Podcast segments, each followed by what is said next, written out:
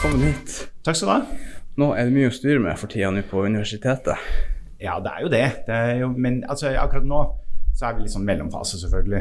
I forhold til uh, Vi er ferdig med eksamener. En sånn liten luke nå hvor vi har mer fokus på oppstart. Og holder på med sånn klagesensur og sånn kjedelig. kjedelig Ah.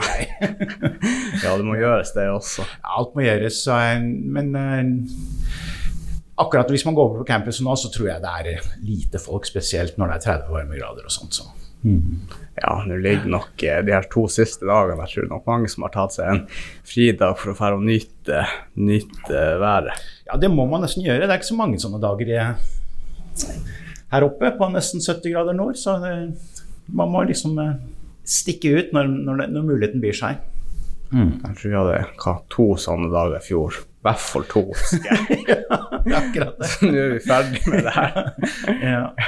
ja, det er fare for det. Men eh, nei, jeg tror egentlig det, det blir en fin sommer. Jeg, jeg, jeg, jeg er eh, optimistisk. Det ligger i min natur. Mm. Er det mye planlegging dere gjør nå, da, etter dere er ferdig med de klagegreiene? Er det mye planlegging til neste år, og programmer og studievalg og Vi, eh, i hvert fall eh, Hos oss på Handelshøyskolen så har vi eh, nå et sånt ganske omfattende kvalitetssikringsarbeid. for Vi har lagt om så veldig mange av programmene våre til å bli nettbasert. Sånn at vi får strammet opp alt av rutiner og strukturer eh, og sånt nå i forhold til hvordan er det vi skal se ut, hvem er det som skal gjøre hva, hvordan er det vi avsvarer mest mulig effektivt, og hvordan er det vi sikrer at læringsdesignet eh, har en god utvikling og også er evidensbasert. Altså at, at vi vet at de læringsmetodene vi bruker, at de faktisk virker. Så det er store forskningsprosjekter på det her, og også store prosjekter som går strukturelt. Så sånn sett det er veldig mye de tingene vi nå har planlagt for at skal fungere fra oppstart til høsten. Så sånn sett så eh? Hvis man husker tilbake hvis man går ti år tilbake, så hadde vi kanskje på, på det som nå er Handelshøyskolen der borte, 100, par hundre studenter. Nå har vi 1600. shit? Og alle dette er jo personer som må behandles og håndteres. Veldig mange av disse er sørfra, men vi ser også det at vi har dobbelt så mange studenter fra Finnmark nå når vi har eh, blitt mer nettbasert enn det vi hadde for ti år siden. Så, eh, ja, så det er veldig mye sånn kvalitetssikring, strukturelt arbeid. Vi har fått en del ressurser for å gjøre dette, heldigvis. Sånn at um, har, Det er liksom vår oppgave da, på, på UiT eh, i forhold til de økonomisk administrative fagene. Det er å sikre at vi har en, et godt tilbud til alle distrikter i forhold til å ta en økonomisk administrativ utdanning. Og det er, veldig, det er en lang kamp som vi har kjørt, faktisk. Som vi egentlig føler at vi har vunnet. da. Og det er gøy. Eh, og vi begynner nå å få anerkjennelse også. ikke sant? De ser jo det lenger opp i systemet at For det følger penger med hver student. Og i hvert fall hver student som produserer studiepoeng. Og vi, gradvis tar vi nå livet av den ene myten etter den andre. For det første at nettstudenter er noe slappfisker. Våre nettstudenter de scorer jevnt over bedre enn Ja. campusstudentene. Det er flinke, motiverte folk. Vet du. Veldig mange av dem har tidligere eh, erfaringsbakgrunn. Mange av dem er kanskje en sykepleier, en politimann, en brannmann, en ingeniør, et eller annet sånt, som ønsker å påfylle økonomisk utdanning. Og det får de nå, og de scorer veldig godt. For det vet vi jo, for vi samler, vi, de er jo oppe i den samme eksamen som de campusstudentene. Det er bare at de har fått dette formidlet eh, på en annen måte, fordi at de, de er stedbundne av en eller annen grunn. De bor i Måsøy eller Lakselv eller Hammerfest eller Gaut og Karasjok osv. Og, og også mange eh, i østfylket. Så eh, Nei, det, er- det, det er liksom dette vi har, har skjønt da, gjennom gradvise tilbakemeldinger over mange år. For vi startet jo egentlig bare med å liksom tilgjengeliggjøre litt mer av vårt læringsmateriell. Mer notater, begynte å publisere videoer av opptak av forelesninger og sånt, og så, og så sende det rundt omkring. Eh, Til nå å ta steget helt ut og si at ok, nå tilbyr vi nettutdanning. Og um, det har vel mildt sagt vært en stor suksess. Så vi har, vi har jo fått styrket staben vår, og det er veldig bra. Så nå er det egentlig bare, må vi konsolidere litt, sikre kvalitet, sånn at alle de som kommer med sånne rare uttalelser om at nettstudier er lettstudier og sånt, og det er bare tøv. Nettstudier er akkurat like høy kvalitet, og kanskje enda bedre. Vi bruker veldig mye ressurser på disse. Spesielt å bruke ny, moderne pedagogikk og osv. Eh, og så vet vi det at vi kan enda bli mye bedre. Og det er det som Når vi får så mye positive tilbakemeldinger nå, og får så gode resultater som det vi gjør nå, og så vet vi at vi kan gjøre ting enda mye, mye bedre, så er jo det veldig en fin situasjon å være i. Eh, og det er det vi holder på med, da. Når dere eh, har de her nettstudiene, bruker dere bare da å filme de foredragene dere har for dem som er på campus, eller lager dere helt egne videoer som dere strukturerer til akkurat nettstudenten? Eh, det, det er ganske variert, for vi har veldig mange emner. Eh, men det som er saken, det er at alle må tenke gjennom sitt læringsdesign. Altså hvilke elementer skal være med, og hvorfor skal de være med, og hvordan skal man gjøre det best mulig, sånn at det blir mulig for en eller annen som eh, eh Vi sier at det skal være tids- og stedsuavhengig, eller relativt tids- og stedsuavhengig. Vi har jo eksamensdatoer, vi har noen datoer for noen arbeidskrav og sånt, noe, de aller fleste emnene. Og, og, dermed så er det no, Noen er fryktelig gode i, i klasserommet, for å si det sånn. Eh, og en litt bustete eh, professor som blir filmet, eh, men har en god historie å fortelle. Det kan være vel så bra at det er et opptak av en forelesning. Litt sånn som eh, forskerskolen på NRK. Altså, du kan ha veldig gode liveopptak av en forelesning. Mens eh, de aller fleste kombinerer sånn her type aktivitet, og kanskje kaller det webinar, hvor man diskuterer med studentene oppgavegjennomgang. Kombinerer det med å ha ferdiginnspilte eh, læringsvideoer som er mer korte, hvor studentene kan spole frem og tilbake eh, og, og, gå inn i disse eh, hvor, de, hvor, man egentlig bare diskuterer teori. Mens problemløsningene de går ofte i det vi kaller webinarer. Og de aller fleste har også opptak av disse webinarene. Det, det, er litt avhengig av hvor mye man aktiverer studentene. For har man aktivert studentene veldig mye i webinarene, så kan det bli problematisk å, å publisere dem videoer av det. Så det er litt forskjell fra emne til emne, men svaret er egentlig ja. Vi spesialiserer dette mye mer enn det vi gjorde for, for ti år siden. Eh, og, og den, eh, den, spesialiseringen går gradvis lenger. Ja. Og som eh, jeg leste litt på nett, det, det, er riktig at du er instituttleder nå Nei, for det er ikke lenger. Det er ikke lenger? Nei. Okay, hva det, hva er har, nå er jeg bare vanlig ansatt, og det er jeg så glad for også. Eh, det, du skjønner at jeg, I universitetssystemet så har vi åremålsstillinger, så jeg har jo hatt mine Eh, ja, det er ca. tre åremålsstillinger. Eh, og da kan man ikke ha flere. Så da må man enten rykke opp over si, åremålsstillingen. Det betyr at du, en, du, du, skal gjøre denne jobben i fire år. Eh, og så kan den forlenges. Eh, I utgangspunktet skal man gjøre én periode. Så kan den mm. forlenges én eh, gang, og eh, i unntakstilfeller to ganger. Så jeg har sittet i tre sånne perioder, så jeg kunne ikke sitte lenger. Det blir sånn her presidentopplegg at du kan bare ha maks antall Nettopp. ganger. Ja, Nettopp. ja. Eh, og det er eh, på mange måter bra for at ikke det, man skal eh, sementere for mye. For dette er utviklingsarbeid som i all hovedsak skal skje i sånne stillinger. Mm. Eh, og mange, En av grunnene til at jeg satt så lenge, det var nok at vi, var gjennom, vi har vært gjennom flere fusjoner. Og vi har vært i en sånn prosess hvor vi har endret eh, strukturen og strategiene våre ganske mye. Og Da er det greit å ha noe kontinuitet i den som har eh, sittet med personalansvaret og det faglige ansvaret for, for den aktiviteten her i Alta. Og men akkurat nå er det sånn at vi, liksom har, vi har kommet dit vi vil. Vi fikk akkurat landet to-tre store prosjekter. Eh, og da var det ikke grunnen heller til at noen skulle si at nå måtte jeg fortsette. Og jeg syns også det var veldig greit. Så har jeg ansatt nesten alle som jobber der. Så går jeg inn i et arbeidskollegium hvor, hvor jeg har ansatt Du har vært alt, ikke sant. Det er jo perfekt. Det blir jo bra arbeidsmiljø da. Så for, for øyeblikket så har jeg forskningspermisjon. Eller det som heter oppdateringspermisjon, for jeg har sittet med lederansvar så lenge. Så da, nå sitter jeg og oppdaterer meg og skal sette meg litt inn i hvordan eh, vi kan f.eks. bruke podkast mer effektivt i læringssammenheng. Å oh ja, spennende. Ikke sant? Det er, det er veldig mange som, eh, som, liker å høre på en podkast mens de bretter tøy, eller eh, mens de er på en tur med bikkja, eller sitter på flyet, eller andre Altså litt sånn multitaskings-greier. Og veldig mye teori kan man egentlig få forklart gjennom ord. Og la bare hjernen jobbe med det. Samtidig som man hører på noe. Man må ikke visualisere alt.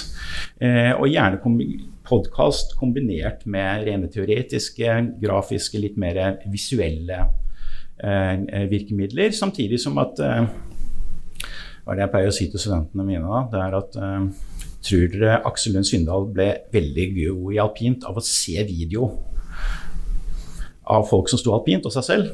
Nei, han måtte nok ut og øve litt selv òg. Mm. Så det er liksom egentlig det som er hovedbudskapet i alle emner uansett. Selv om vi lager gode videoer, selv om vi lager, også har laget podkast og litt diverse ting knyttet til undervisningen, så, så er det først og fremst studentene som må jobbe selv, og det er hardt arbeid. Og Det er det som er den store utfordringen eh, på mange måter for studentmassen nå. det er at de, at de, må skjønne at det faktisk er litt hardt arbeid. De må sitte der og slite og svette litt for å få gode resultater. Og det, det, er, det tar, det tar mange timer å bli god, uansett hva du skal gjøre. Mm. Jeg er også helt enig.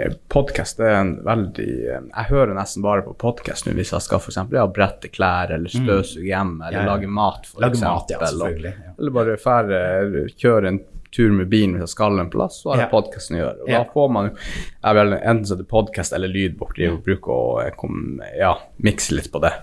Men uh, jeg merker at hvis jeg må ha noe å gjøre mens jeg hører på podkast, for hvis jeg ikke, hvis jeg bare sitter i ro og hører på podkast, da blir jeg rastløs, og da må jeg gjøre noe, gå opp eller ja. Så jeg, da, da, får jeg ikke med meg noe, så jeg sitter helt i ro, men jeg må liksom gå eller gjøre noe. Ja, det er akkurat det. Altså, jeg tror podkast har en utrolig god funksjon for å konseptualisere teori. Altså, du har, du har noen teorier som liksom er veldig sånn en modell og greier, og så, så må de pugge noen relasjoner og noen figurer og noen og ting. Men hvis man kan lage en fortelling knyttet rundt alt det, hvis de har tittet litt på en læringsvideo, og så får en sånn fortelling som egentlig setter alt på plass. Ja. Lage knaggene, komme med eksemplene, ha litt god tid og gjerne en diskusjon sånn som vi har nå. Det er jo det som er de morsomme podkastene. Ikke, ikke, bare kanskje én som sitter og prater alene, men to, tre, to eller tre stykker som sitter og diskuterer temaet og kommer og eksemplifiserer med hverandre. Og, og gjør ting relevant da, i forhold til omgivelsene. Eh, og, og, det er det som mange eh, savner egentlig når de studerer. det er at de føler at eh, det blir veldig teoretisk alt mulig. Og da har, er podkast en utrolig god eh, løsning da, for å ja, konseptualisere teori, rett og slett. Hvordan eh, eh, underviser du i noen fag, eller kommer du til å gjøre det? Eller? Ja, da jeg skal undervise, men ikke nå eh, til høsten, men jeg skal ha et kurs til våren. For jeg holder på å lage en, et nytt kurs i mikro, mikroøkonomi. Ja. ja det er sånn eh, konsumteori, produksjonsteori. Det er sånn samfunnsøkonomi, da. Eh, eh, og, og, da skal vi da skal jeg lage det kurset helt forbanna av. Eh, med nye videoer, med nye læringsvideoer og sånt. Og jeg skal se om jeg kan klare å utvikle en heldigital lærebok som eh, For å komme gjennom boken så må det liksom fordre det litt at studentene aktiveres da, hele veien. Eh, og det er ikke bare bare å få til. Eh, studentene har en tendens til å hva det heter, prokrastinere. Ja. Eh, for de tenker de kan gjøre det neste uke. Så det er det egentlig det å lage et opplegg som egentlig tvinger studenten til å gjøre noe jevnlig. Men det må også være tilrettelagt sånn at folk kan ha nordsjøturnus. At folk er på fiske, at det er en regnskapsfører som plutselig ikke kan gjøre noe en hel måned. Så det må, det må tilrettelegges også sånn at det kan passe de gruppene som faktisk har nettutdanning, fordi at de må ha en fleksibel um, um, utdanning. Så, men samtidig så, altså, blir det litt sånn at um, for å lære så må man jobbe, eh, og det er egentlig den, den største og viktigste eh, oppdagelsen man må gjøre som student. Eh, mange har jo kommet gjennom både ungdomsskolen og videregående uten å kanskje gjøre altfor mye uten å jobbe altfor mye selv. Eh, de har jobbet litt i ti minutter av og til i timen. Eh, mange har kommet gjennom dette her med helt OK karakterer uten å gjøre særlig mye lekser. Eh, når man tar høyere utdanning, så er verden annerledes. Da er det mye sterkere krav til faktisk det å, å måtte gjøre en jobb selv. Uh, uh, ha en egen motor da, for, å, for, å, for å prestere. Ja. Så, og det, det, er litt de tingene man må liksom koble inn i undervisningsopplegget, eller det vi kaller læringsdesignet. da. Så vi går igjennom eh, læringsdesignet på alle emnene våre, på, på, på, alle kursene vi tilbyr, som har det vi kaller nettkode. da. Ja. Så, og veldig mange av de ansatte har kommet veldig langt. Eh, andre er litt i startgropa. Eh, og det kommer litt an på hvor nærme det er. For det er ikke alle emnene våre som faktisk har fått nettkode. Noen av dem skal få det eh, først til neste, neste år. Eller neste studieår. Så, men det er de vi jobber med nå, da. Mm.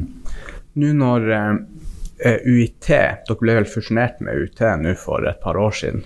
Hvor lenge siden har dere vært en del? Ja, Det er 2013, så i 2013 som begynner å bli en stund siden. Siden ja. da eh, Høgskolen i Finnmark gikk sammen med eh, Universitetet i Tromsø, og så kom jo Harstad og Narvik inn i 2016. Ikke sant. Ja. Eh, var du mye involvert i, i de eh, prosessene?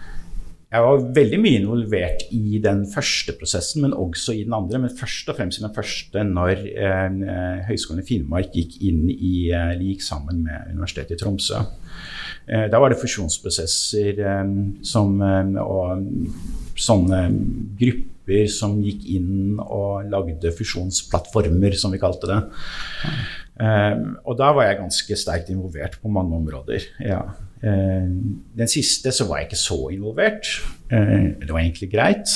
Eh, vi, vi var veldig tilfreds, så vi sa bare at vi etter fusjonen med Tromsø så var Høgskolen i Finnmark veldig tilfreds med hvordan ting fungerte. Ah. I hvert fall den delen som vi sitter på, var ekstremt tilfreds. Vi følte vi ble en del av et større fagmiljø uten at vi følte at dette var noe stor trussel. Eh, det er ikke det at det har vært helt trusselfritt heller, men eh, jeg tror vi har stått godt sammen campusen her i, i Alta, og så, vi, så, vet vi at vi har vært ganske gode på en god del ting. Og så har vi satset litt uh, ubekymret mye på det, og så har det gått bra. Eh, og det er litt det altså, Hvis man har troa på det man holder på med, Eh, og man har en fagstab som står ganske samlet. Det er ikke sånn at alle, alle liksom har sånn halleluja hele veien. Det å holde på med nettutdanninger det er kontroversielt i et universitet. Eh, men nesten alle sammen har egentlig stått sammen om dette. Eh, og alle sammen, vet jeg, de har fått veldig mye fine tilbakemeldinger fra de studentene som har satt pris på dette. Eh, og det er klart at det er artig å få en hyggelig tilbakemelding fra Setesdal eller eh, Stavanger eller noe sånt nå. Men det som vi egentlig først og fremst er ute etter, det er de hyggelige tilbakemeldingene som kommer fra Finnmark og vår region, som er vårt, som først og fremst vårt nedfallsområde. Men nå, nå har vi faktisk en, eh, vårt eh, nedfallsområde nå, det er mye større. Og, det det vi ser nå. Det er at eh, det kan godt være at vi kan ta en litt større nasjonalt ansvar for nettutdanninger. Og det gjelder egentlig resten av campusen også. Eh, de andre instituttene på, her på Universitetet i Tromsø i Alta. Det er at det er flere som nå begynner å se dette her. For det å legge om til det å gjøre sånne radikale skift og si at ok, eh, nå slutter vi med campus, så lager vi nettutdanninger. Det er ikke det samme som at de som bor i nærheten av campus, ikke kan bruke campus. Det er det mange har tenkt. Mm. For vi, vi, lager jo opplegg sånn at disse som bor i nærheten av campus, selvfølgelig skal oppsøke campus og bruke campus mest mulig. Prøver å stimulere til det. Vi inviterer dem også til å være med når vi har webinarer, da, eh, og være med live. Så vi har folk i klasserommet som kan sitte med sine, eh, sine PC-er og legge inn meldinger, eventuelt spørre, spørre, høyt. Hvor vi har en annen diskusjonsgruppe da på, ute på nettet. Eh, og det er litt sånn at uh, min erfaring nå det er at jeg nesten jeg får bedre og morsommere spørsmål når jeg har en Zoom-undervisning, enn uh, når jeg, jeg, hadde klasseromsundervisning. Ah. Uh, og det er en trivelig tone. og man, det er, det, er, selvfølgelig en sånn overgang, det der å stå og prate til et kamera. Men når du har den chatten, og du får spørsmål ganske fortløpende knyttet til de tingene du snakker om, så føler du at det allikevel at det blir en dialog. Eh, og jeg, det er det jeg har inntrykk av at når du da får så mange studenter, så får du så mange gode spørsmål. Og det er ikke alle studenter som er like gode til å reise de relevante spørsmålene. Men når, når, du har så mange, så får du alltid veldig mange gode spørsmål. Eh, og da, da, kan du svare ut dem. Og da er alle som er student, de er eh, nesten alltid i en sånn situasjon at nå var det en som spurte det spørsmålet som jeg også lurte på. Ja, ikke sant. Alle kjenner seg igjen i den. Og dermed får du avsvart veldig mange studenter veldig gode spørsmål på en veldig effektiv måte. Så bruker vi en del andre eh, sånn, eh, Vi bruker noe software som, eh, som er litt mer langsomt. Da, hvor, hvor det, det, er ikke helt synkront. altså Det er ikke sånn svar-spørsmål live. Men studentene kan legge inn spørsmål på en sånn software som vi, som vi, som vi bruker. Jeg heter Curipod for øvrig. Men, og det, det hvor studentene stiller spørsmål til oss i forhold til emne, faglige ting. Og noen ganger så svarer studentene hverandre, og andre ganger så kommer foreleser inn. Men det er litt mer, det er, ikke, det er, ikke sånn, det er mer asynkront. Sånn det er sånn at eh, foreleser går inn kanskje en gang i døgnet eller en gang annenhver en, en dag eller noe sånt noe, og avsvarer spørsmålene. Og så blir, blir, de publisert til studentene. Så det blir på mange måter som et sånn fact eller sånn frequently asked questions som blir publisert til studentene. Så, så det er det der altså ha litt, eh, Være litt åpen for å anvende nye metoder. og ikke tenke at alt nytt er skummelt. Det, men det tror jeg er en veldig sånn typisk ting i Alta-samfunnet. Det er en kultur her som, som er veldig bra på det. Eh, over lang tid så har det vært et innflyttersamfunn på mange måter i Alta, tenker jeg. At, eh, og, har, og, da kommer det nye tanker, og det har påvirket den etablerte bostrukturen i Alta også. Eh, fordi at du da får en kultur hvor det å gjøre noe nytt, gjøre noe annerledes, teste ut noe, prøve å satse og gjøre noe ordentlig At det blir en kultur for det. For du ser jo i veldig mye av sånne samfunn som liksom er, har stagnert litt, hvor du har hatt den samme befolkningsmassen over kanskje 10-20 år, så får du en helt annen kultur. Og det å prøve å gjøre noe nytt, gjerne ikke i fellesskapet, blir bli sett på som åh, komme og mase med de der dumme, rare ideene igjen. Det, det, blir litt sånn type kultur, men sånn kultur er det ikke i Alta. Eh, og det tror jeg er mye pga. at vi hele tiden har hatt en innflytning, både fra distriktene som kommer hit og skal liksom Er det noe organisasjonsliv her som er interessant for meg? Eh, og som kanskje er på søk etter jobb og begynner å lete etter å skape sin egen arbeidsplass. Og, og når du får den, den brer om seg hele Alta-samfunnet, og det, det er en av de absolutt fortrinnet. Det jeg elsker Alta. Altså. Det er en veldig, veldig, bra plass å være. Og det er mye pga. de her tingene her at folk er eh, veldig De er kreative, innovative, og de tør å satse. Ja, det, det ikke som at uh, Alt kommune legger veldig godt til rette for sånn uh, bedrift som starter opp. Og det er jo en by som som eh, ja, setter pris og løfter frem dem som tør å satse. Definitivt. Og er vi ikke Alta også en av de byene som har eh, veldig mye private arbeidsplasser VS, eh, eller i motsetning til offentlige? Ja.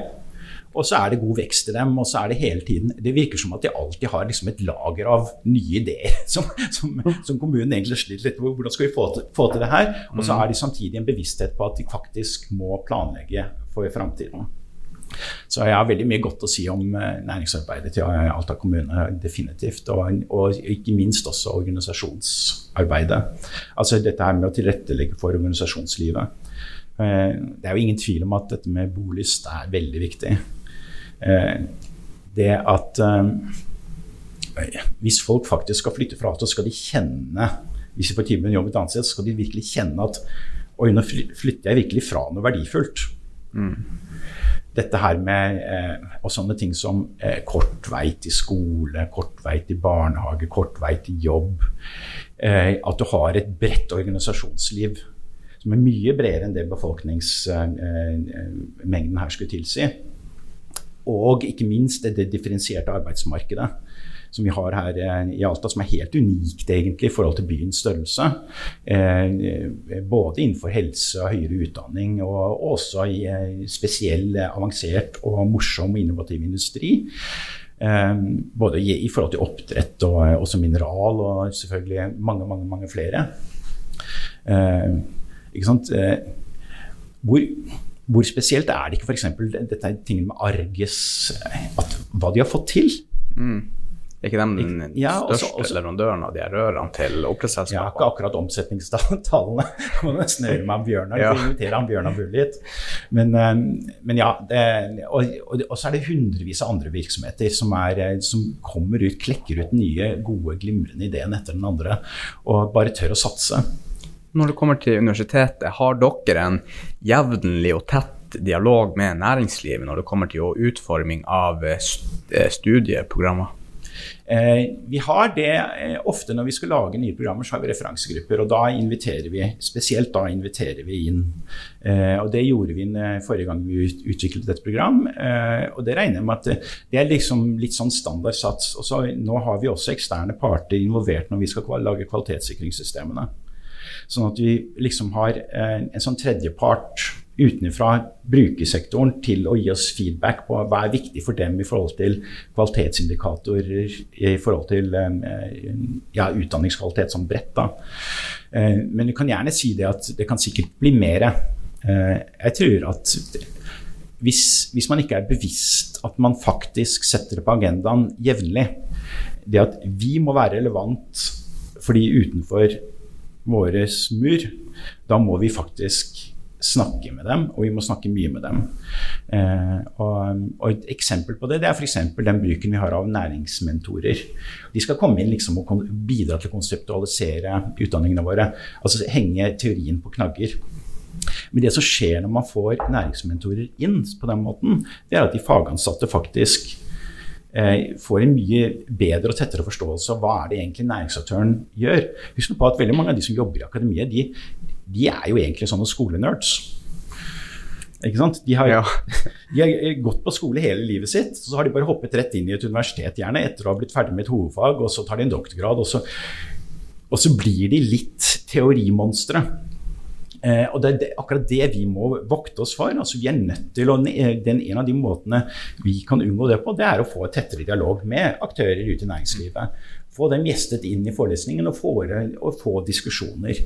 Eh, faglige diskusjoner med dem eh, i undervisningen. Og, og der har vi vært veldig gode. Eh, jeg liker å kunne si det når vi er, Ja, ja. de, ganger, de få gangene vi er veldig gode. Og det, og det er spesielt dette med å bruke næringsmentorer aktivt i, eh, i utdanningene. Og så kunne vi gjerne ha gjort enda mer av det, men dette har en finansieringsside også som er litt sånn utfordrende. Så, eh, så vi har, tidligere hadde vi fem, nå har vi to da, næringsmentorer som er aktive inne i undervisningen og bidrar til å f.eks. lage podkast. eh, er med på webinarer, er med å lage case for studentene. som er Sånn at ikke det bare er Apple og ja, an, andre type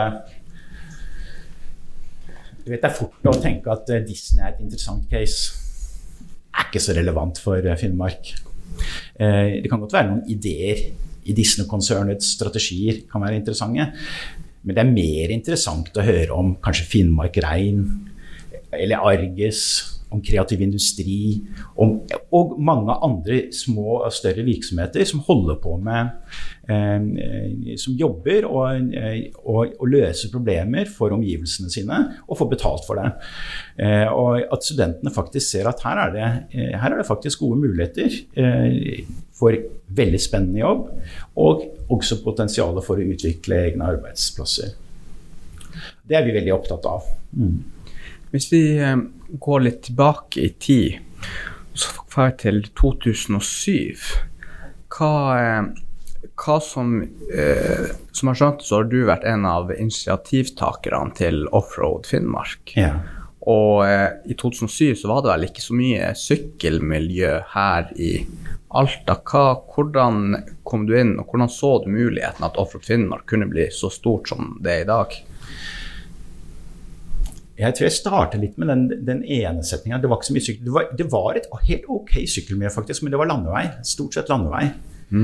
Så det var ganske mange ivrige eh, 30-, 40- og 50-åringer som syklet landevei.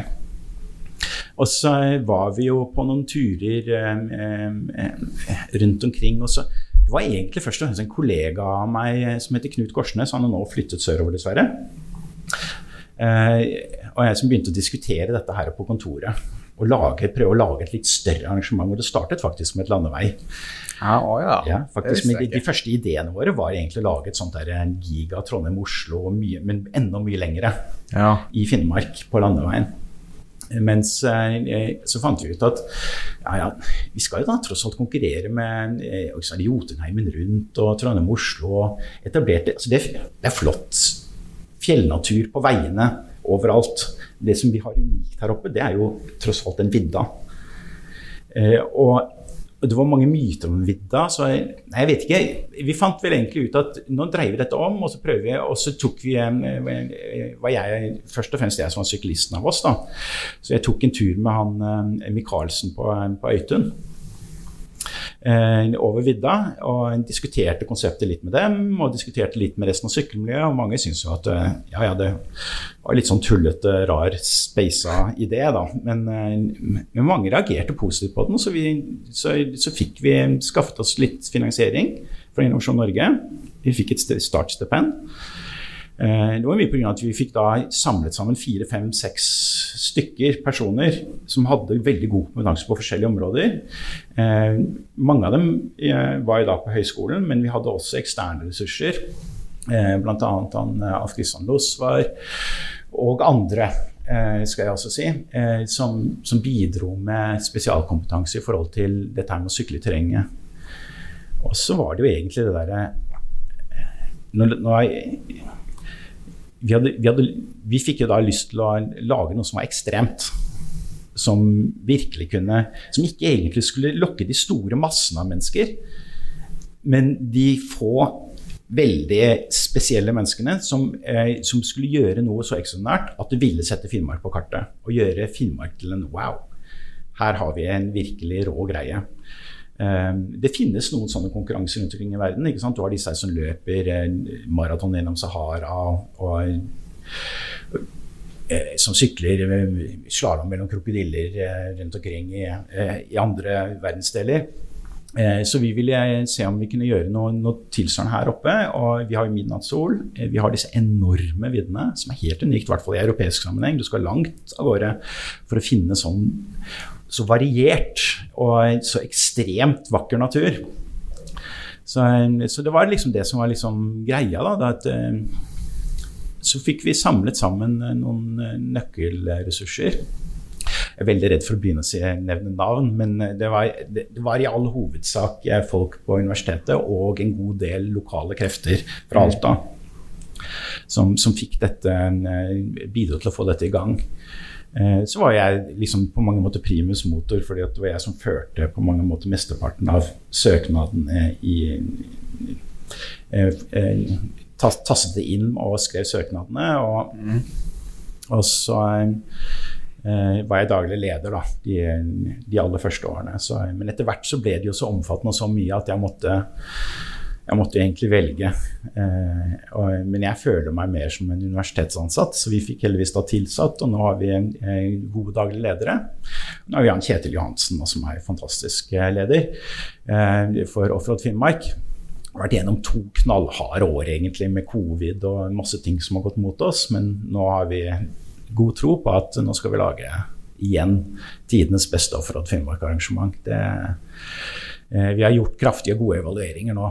Eh, De to foregående årene det har vært litt trist, altså. Det, det må jeg si. Men, eh, men nå, er det, nå er- det god stemning. Men jeg tror ikke vi er ute av denne covid-dumpa ennå.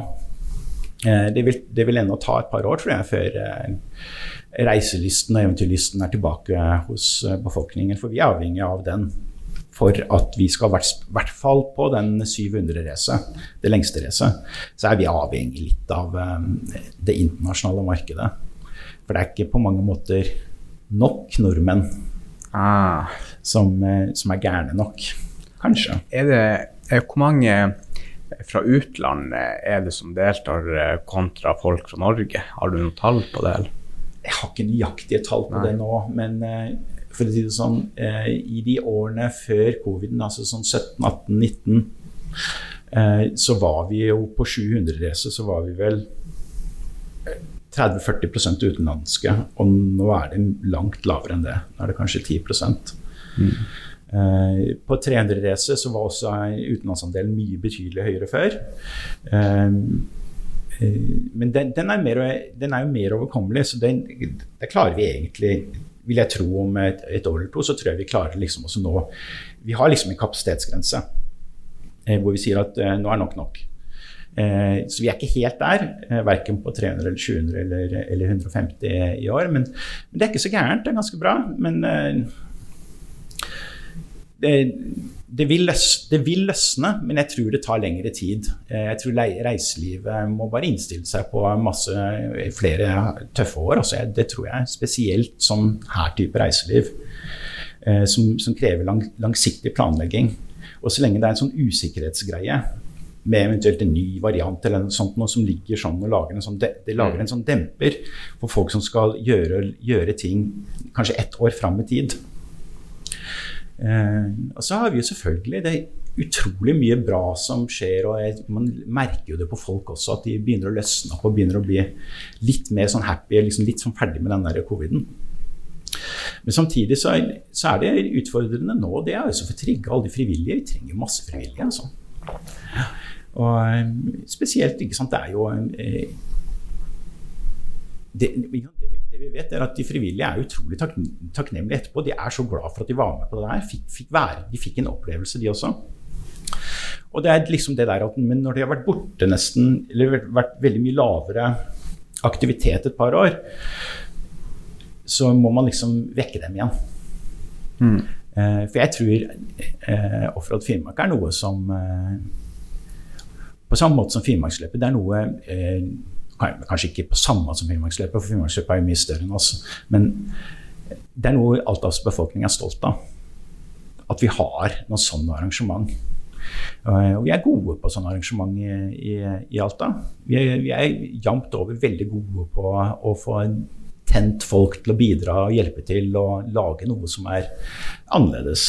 Litt sånn som jeg startet med, at jeg tror det ligger i kulturen her at dette er noe vi liker. Og så er det jo noe med sånne ting som som også Finnmarksløpet med, men Offroad Finnmark, det er jo at det er jo en sånn utholdenhetstest uten like. Mm. Nei, absolutt. Ja, og, og, det tror jeg det ligger i finnmarksgenet. Det der å traske over lange avstander eller sykle over lange avstander og være utholden og seig og finne løsninger og ha eh, å løse utfordringer når du er på, på vidda og det er plutselig så blir det to grader, og så er det 25 grader, og så er du inne i en, nede i en delle, og så er det en sånn tåkegreie hvor det er dønnfuktig og tre grader kaldt, kommer du opp, opp den lille bakken, så kommer du opp i sola og ser de der tåkeladene nede i alle delene rundt omkring på vidda. Eh, klokka ett på natten, f.eks. Det, er det er bare helt er, Jeg prøver å beskrive Jeg merker at det går ikke an å beskrive. Det er bare så fabelaktig nydelig. Eh, og det får jo alle som er med på Offroad Finnmark, oppleve. Eh, og det har veldig, veldig mange har ikke gjort det før. Faktisk sykle på vidda gjennom natten. I, hvor spesielt det er. Spesielt akkurat jeg, jeg kjenner at jeg får litt sånn gåsehud når jeg snakker om det. altså Spesielt akkurat når det begynner å knipser og begynner å demre av dag. Og sola er på vei oppover igjen. Mm, ja. uh, og nei, Det var helt fabelaktig. Og så den, eh, de her flotte fjellstuene vi har. Altså, vi hadde, eh, det var det vi også Vi syklet jo litt rundt sånn tilbake i 2007-2008 og innom disse her fjellstuene. og så bare i all verden hvordan verdier vi sitter på her i eh, fabelaktige perler. Å få synliggjort dette her, og, og Derfor er det også blant våre aller beste samarbeidspartnere. Det er de fjellstuene. Eh, som kan tilby fabelaktig mat, ikke minst gode senger. Uh, og eh, på lokasjoner som er uh, godt plassert, ca. tre mil mellom hver. Så du har fine dagsmarsjer, enten du er på sykkel eller fot. Uh, mange har jo opplevd disse her på vinteren på snøscooter. og det er klart, akkurat nå når Kleggen blomstrer, så kan det kanskje være en utfordring å komme seg over vidda. Ja. du skal i hvert fall ha god beskyttelse. men ja, nei, det er eh, Det var, det var mye det derre at når man hadde vært og syklet litt på vidda, så, liksom, så, så, er det mange som tror at den er flat. Er det ting som er helt sikkert, det er at den kan kanskje oppleves ganske flat når du kjører snøscooter på vinteren. Mm. Den er definitivt ikke flat eh, når du skal sykle. Nei, jeg ser bare for meg sånn, skal du sykle midt på vidda 700 km. Det høres jo helt sinnssykt ut, spør du meg. Ja, det er sinnssykt. Så det, så det krever mye trening. Så det, det, er litt sånn der, um, Når du er ny og fersk og skal kjøre bil, så tar det litt tid før du klarer å slappe av. Men sånn er det på terrengsykkel også. Eh, så du må ha syklet veldig mange mil, og etter hvert så blir veldig mye den der å komme seg unna steinene og styringen og, og, og selve syklingen Når du har syklet nok timer, fått tilstrekkelig antall med ordentlig lange turer, så blir veldig mye automatisert. Og da evner du å kunne sykle litt sånn der tett oppunder eh, eh, eh, disse her grensene for melkesyre og sånt noe, og ah. samtidig nyte. Eh, og, og, de fleste av de som sykler 700, de har jo kommet dit. Eh, at de faktisk eh, kan sykle på autopilot. Bare sitte og trø med sånn passe trøkk i pedalene, sånn at ikke du får melkesyre, og samtidig nyte. Og puste, og, og puste rolig og fint, eh, og, og, bare rett og slett eh, holde god utsikt framover. Eh, sånn at du, du, de får den eh, Jeg vet ikke, jeg vil, jeg vil nær si at det er den ultimate naturopplevelsen. Det, det, er vel det jeg egentlig mener om det. Det er bare så helt fabelaktig. Og så selvfølgelig så er det det der, De andre tingene med, med det racet, det er jo det at uh, du holder på så lenge med så lite søvn eh, at uh, hjernen din og kroppen din og alt sier bare at nå må du legge deg og sove ti timer. Og så trumfer trumfer man det og sier at nei, jeg skal bare sove en time. Eh, og så et, når du våkner da, eh, så kjenner du jo det at eh, hodet ditt er jo litt rart skrudd sammen. Du begynner å tenke annerledes. Eh, mange som har får små hallusinasjoner. og eh, og ofte hvis man er med en teamkompis, så begynner man å prate om ting som man ellers aldri ville funnet på å prate om. Mm. Eh, så det er, det er, noen sånne ting som skjer, eh, og det oppdaget vi jo når vi kjørte det testrittet. At dette er så spesielt og så unikt at dette er vi nødt til å bare Vi er, vi er nødt til å gunne på og gjøre dette her gjøre dette her ferdig og så bra som vi får til. Og vi er egentlig fortsatt ganske unge i bedriftssammenheng. Eh, men eh, tenk deg om 50 år. Da tror jeg Offroad Finnmark, og jeg håper selvfølgelig at allerede om fire-fem år, at Offroad Finnmark har en stor internasjonal posisjon, men jeg, er helt sikker på at det kommer til å få det. Eh, for at det har alle de, de elementene av menneskelig kamp, natur, villhet. Så mye enormt annerledes og dette er interessant ikke bare å forske på, men selvfølgelig også for folk å observere og se. Og jeg tror, jeg tror, vi kommer til å, til å, bygge noe helt spesielt. Og jeg tror at om noen ganske få år så vil utfordringen mer være det å si det at du vi kan ikke ha eh, at ventelistene blir for lange, rett og slett. At det er det som vil være utfordringen vår. Mm. Men det er klart at det tar litt tid å få på plass um, den, den den organisasjonen eh, og den fundingen som skal til for, eh, for å få det her til. For at, eh, det, det å, sant, Nå har vi én daglig leder, han jobber mye aleine. Eh, vi hadde et prosjekt eh, her for noen år siden hvor vi faktisk kunne ha to tilsatte, og det er mye bedre. For da har du én pluss én blir fort mm. tre, sier noen. Jeg mener det blir elleve. Ja, for da har du liksom noen å snakke med, og da slipper du sjøl sitte ja. i to-tre timer på ja. å tenke deg hjelp på et problem. Ikke sant. Så, men nå er jo han Kjetil han er jo veldig flink til å bruke oss styrene, og han ringer og spør, og vi som har mye bakgrunn For jeg sitter jo fortsatt i styret for Finnmark, jeg, er med i organisasjonen, tett på organisasjonen, og snakker med Kjetil hyppig. Mm. Eh, og, og, sånt noe, Så jeg skal jo også være, være med som eh, rittleder og dommer og sånt noe. Og, og, det tror jeg aldri kommer til å slutte med. Eh, men eh, ja. Nei, jeg tror, jeg tror, rett og slett at uh, Offroad Finnmark har, går en veldig lys fremtid i møte. Uh, og, men, men det, det, som er utfordringen vår, det er jo fundingen, selvfølgelig. Vi trenger jo fortsatt flere samarbeidspartnere som kan bidra med, med utviklingsmidler, rett og slett. Mm. Uh, det er klart Vi kan, vi, vi er jo i prosess med både kommuner og fylke og Sameting og FEFO med flere. Og er det, helt sikkert sånn at, det er helt sikkert sånn at vi trenger hjelp av dem. Vi trenger også hjelp av private partnere. Strategiske utviklingspartnere eh, som kan bidra med å utvikle oss. Mm. Mm. Hvis, eh, hvis, du kunne gitt eh, et tips til deg sjøl som 20-åring med all den kunnskapen og erfaringen du har i dag, hva ville du sagt til deg sjøl? Oi. Oi, det var et vanskelig spørsmål, syns jeg. Skal jeg sagt til meg selv, da? Um, det må være være gønne på. Jeg, har ingenting å tape. Det eneste du kan tape, det er en, en, en, en, en missed opportunity, som man sier på engelsk. Altså en manglende uh, erfaring. Uh, det er jo bare å prøve. Det er jo eh, Men samtidig så skal man, man Noen er veldig sånn risikoavers. Altså de, de er litt sånn redd for risiko. Eh, men hvorfor ikke da prøve eh, å bare ha fokus på eh, hvis man er redd for den risikoen, prøve å få med noen andre folk som kan, man kan spre risiko. Man skal ikke være så redd for å involvere andre. Ikke være redd for å I hvert fall de tingene som jeg følte at vi gjorde rett med offroaden, det var å involvere mange med en gang. Og ikke være så redd for at noen skal stjele ideen, eller sånne der type ting. Mm. Eh, hvis ideen, ideen er genial nok, så og, og jeg, jeg, tror vi må ha tillit. Eh, ha tillit til folk.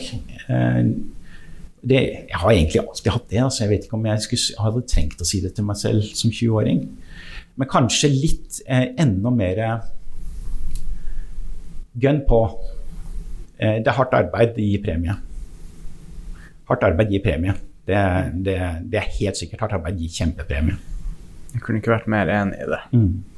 Det, er også det, det eneste man kan kontrollere, er jo hvor mye arbeid du legger i et uh, prosjekt eller en bedrift. ikke sant? Ja. Så hvis du legger inn 14 eller 15-16 timer om dagen, så kommer du jo til å være lengre frem enn konkurrenten hvis den konkurrenten bare legger inn 8 timer om dagen. Det er akkurat sånn det er. Mm. Akkurat sånn det er. og det, det, er sånn det når det gjelder trening, det er sånn det gjelder bedrift, det er sånn det gjelder arbeidsliv, skole, uansett hva det er for noe. Eh, men jeg, jeg, jeg, husker jeg kom jo inn Det var et par år der jeg følte at jeg, eh, det gikk litt på stumpene løs med resten av familien min. Ah, ja, ikke sant. Men den tror jeg alle har følt. Eh, og så må man liksom kanskje ta et sånt steg tilbake og tenke seg litt om ok, hva er det jeg må gjøre annerledes. Og så måtte man jo omstrukturere og, og sånt. Men for min del så ble det sånn at jeg måtte bare rett og slett kutte ut min egen sykling.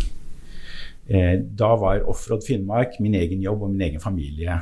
Den gikk den, det telte mer enn min egen sykkelkarriere når jeg da var blitt noen og 40 år. Mm.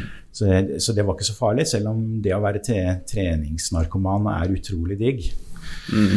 Eh, jeg skal ikke nekte for det. Eh, så er, så er, det ganske mange andre verdier i livet også som er veldig digg. Og, jeg har ikke noe problem med å forstå at folk eh, ønsker å fortsette et liv som treningsnarkoman. Eller treningsglad, eller hva man skal kalle det. Treningsnarkoman er litt sånn et stygt ord, kanskje. Men det er jo det det er, da, når man føler at man må trene. Mm.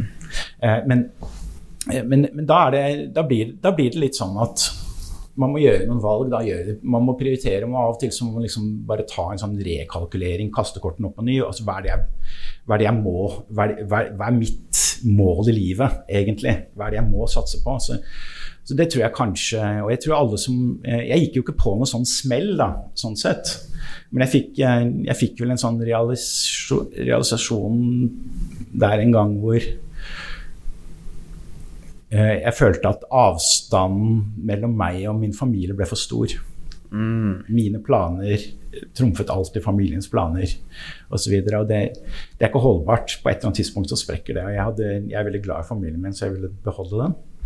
Både kona mi og ungene mine og alt sammen. En, eh, og jobben min også. Eh, så jeg ofret Finnmark. Eh, så da gikk eh, Så da ble det bråslutt på all min trening i 2009-2010. Og jeg savner det og da, også, da. Så Jeg har sagt at jeg skal tilbake i sykling og sånt, og det, og det kan godt være. Men nå er jeg liksom er litt mer altså, Det går fint an å være lykkelig selv om man ikke er i superform.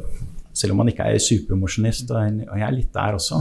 Så liker jeg Jeg blitt litt, mer politisk aktiv også. Jeg liker å ha liksom noe å tumle med og noe å bryne meg på, selv om det kanskje noen ganger så tenker jeg sånn at Jeg sa ja til det. Ah, burde jeg gjort det?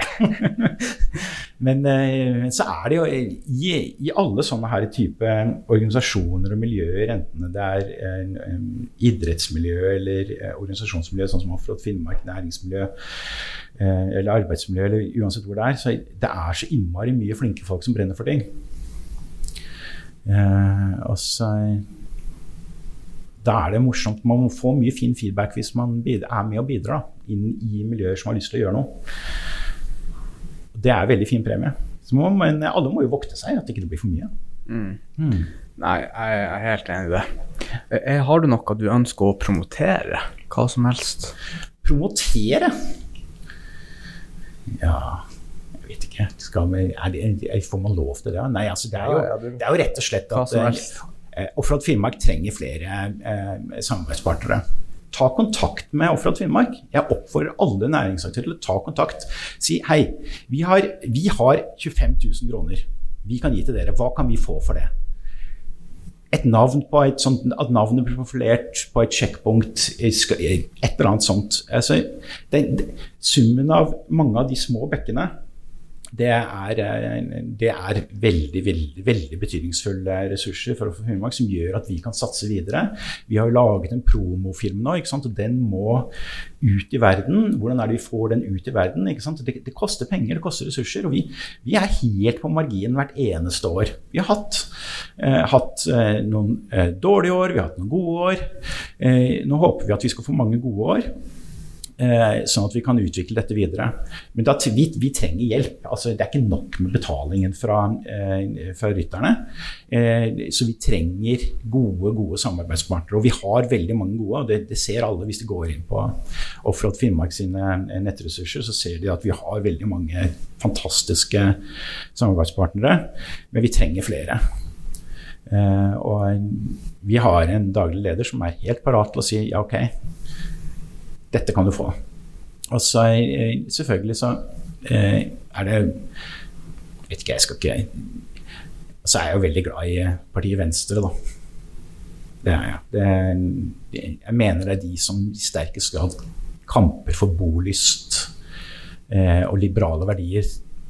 Eh, tolerante verdier i samfunnet. Eh, at vi skal samtidig som vi skal ha en næringspolitikk for å utvikle landet, så skal vi også ha en politikk for å ta vare på sårbare grupper. Eh, og bygge, bygge, et land for fremtiden. Et innovativt kunnskapsnasjon. Eh, da mener jeg at det er ingen andre partier som, som, gjør det. Som har en politikk som er like ferdigstøpt for det. Da. I, I, tillegg også selvfølgelig dette her helt sentrale med, med grønn, et grønt fokus. Eh, eh vi må tenke på de kommende generasjoner. Eh, jeg er bekymret for eh, hvordan en generasjon eller to kommer til å se, se på oss. Og hva vi, hva vi, gjør, hva vi drev med. Sånn som vi på mange måter Og jeg er så lei av det argumentet. Ja, hva er det vi gjør i Norge? Det er bare 1 eh, Det har ingen betydning. Selvfølgelig har det en betydning. Eh, det fins ikke noe land i verden som er mer interessant for bilindustrien og oljeindustrien enn Norge to av verdens største industrier. Det vi har gjort i Norge som er helt annerledes, med elbil eh, f.eks. Det er helt annerledes. Det får oppslag daglig i den internasjonale pressen. I Reuter og i, alle, i de internasjonale nyhetsmediene. Så det betyr noe. Vi er et lite land, og vi har tjent uthorvelige eh, penger på oljeindustrien. Eh, det skulle jo bare mangle at ikke det var vi som sto fremst i kampen for å prøve å endre samfunnet til karbonfrie samfunn. Eh, og så er det sånn at det, det, vil føre til en del strukturendringer og en del eh, kostnader for, for, mange. Men vi er jo da også en, et land som, er, som, som, har, ressurser til å finansiere en sånn type eh, omstilling. Med, her, med de fondene vi, er, vi, har fått satt til side av disse enorme inntektene. Så um, Nei, utover det Vi, har, vi, har, ja, vi er et lite land, men vi har jo en bra vi, Det handler jo om å sende ut signaler til resten av verden også. Ja. Norge er et lite land, men eh, samtidig så er vi en sånn ekstremt åpen økonomi. Eh, vi har en veldig relativt stor konkurranseutsatt sektor som, altså, som konkurrerer internasjonalt. Hvis vi ser på vår andel av vårt bruttonasjonalprodukt som konkurrerer internasjonalt, så er det ekstremt stort. Men Det er jo selvfølgelig pga. oljen. Eh, men, men vi ser jo for oss at eh, og Så har vi selvfølgelig havbruk. Vi ser jo for oss at kanskje vi kan gjøre noe med, eh, med havvind, med andre områder. Havet er en uendelig ressurs som vi, som vi må passe på å forvalte og ta vare på, ikke minst i et bærekraftig perspektiv. Så en, der er Norge en stormakt når det gjelder sånn der type kompetanse. Eh, eh, ja, stormakt blir kanskje å sette litt på spissen, men i hvert fall relativt sett i forhold til vår befolkning og i forhold til vårt økonomiske impact, så, så er vi en stormakt. Um, så, så vi, har, vi, har, mye å gå, eh, gå på eh, i forhold til, til, til, til, sånn type fokus. Og det, ja, I mine øyne så er det bare Venstre som tar dette alvorlig. Eh, for vi er nødt til å ha et markedsøkonomi som fungerer. Vi er nødt til å ha, ta vare på det private initiativ, på innovasjonsevne, innovasjonskraft. Så, eh, og så, eh, ikke minst det absolutt viktigste, føler jeg, det er det å ha toleranse for, for andre. Den der, jeg syns det blir mye sånn derre At avvikende atferd skal liksom altså Den der heksebrenningsdelen av menneskekulturen, den er der alltid. Eh, og det er, det er, vi nødt til å filosofere mer over. Eh, og det mener jeg egentlig Venstre er det eneste partiet som egentlig tar ordentlig seriøst. Eh, ja. Ja, vi har, vi har enda en del problemer vi må fikse som eh, land og verden, egentlig. Og det er, få, det er få land som har eh, potensialet og mulighetene like godt som, eh, som oss. Eh, så må vi ta vare på hele landet. Vi må ta vare på de forskningsinstitusjonene som også er rundt omkring eh, i det ganske land. Eh, Akkurat nå så er det jo en, en forskningsinstitusjon i, i, i, Varanger som er eh, under, under press, som mister oppdrag. Den bjørne bjørneforskningen som pågår eh, i, i, Varanger. Eh, hvor liksom det nasjonale sentrum for rovviltdata og sånt nå ligger i Trondheim, og som nå begynner å trekke stadig mer av sine ressurser fra, fra Varanger til, eh, til, Trondheim. For der ligger også Nina, som er morselskapet. Så Nei, det, det er, vi må ha en bevissthet på å ta vare på forskningsmiljøer i hele landet hvis det skal være interessant for, for en høyt utdannet befolkning å, å, å, bo i hele landet. Så må vi også ha forskningsinstitutter, forskningsinstitusjoner, utdanningsinstitusjoner i hele landet. Det er ikke det jeg sier at en, en utdanningsinstitusjon skal deles opp og eh, pulveriseres utover landet. Vi må, vi må ha sterke forskningsmiljøer. Men vi må vokte oss for å eh, lage en, eh, og, og, sentralisere stadig flere av dem. For det har skjedd gradvis de siste 20 årene at eh, instituttsektoren spesielt, den forskningsinstituttsektoren, eh, har blitt større og større enheter. Og det har vært en villet politikk for å lage robuste forskningsmiljøer. Men det har jo selvfølgelig ført til at de mindre forskningsinstituttene som gjerne har ligget ute i distriktene, som har vært fabelaktige eh, forskningsinstitutter med veldig høy kompetanse, spesialkompetanse og veldig mye flinke folk, liksom det har vært arbeidsplassen for eh, Eh, forskningsnerdene, hvis man kan si det, i, i Distrikts-Norge. Så de har samlet alle. Det utrolig mye kjempeflinke folk.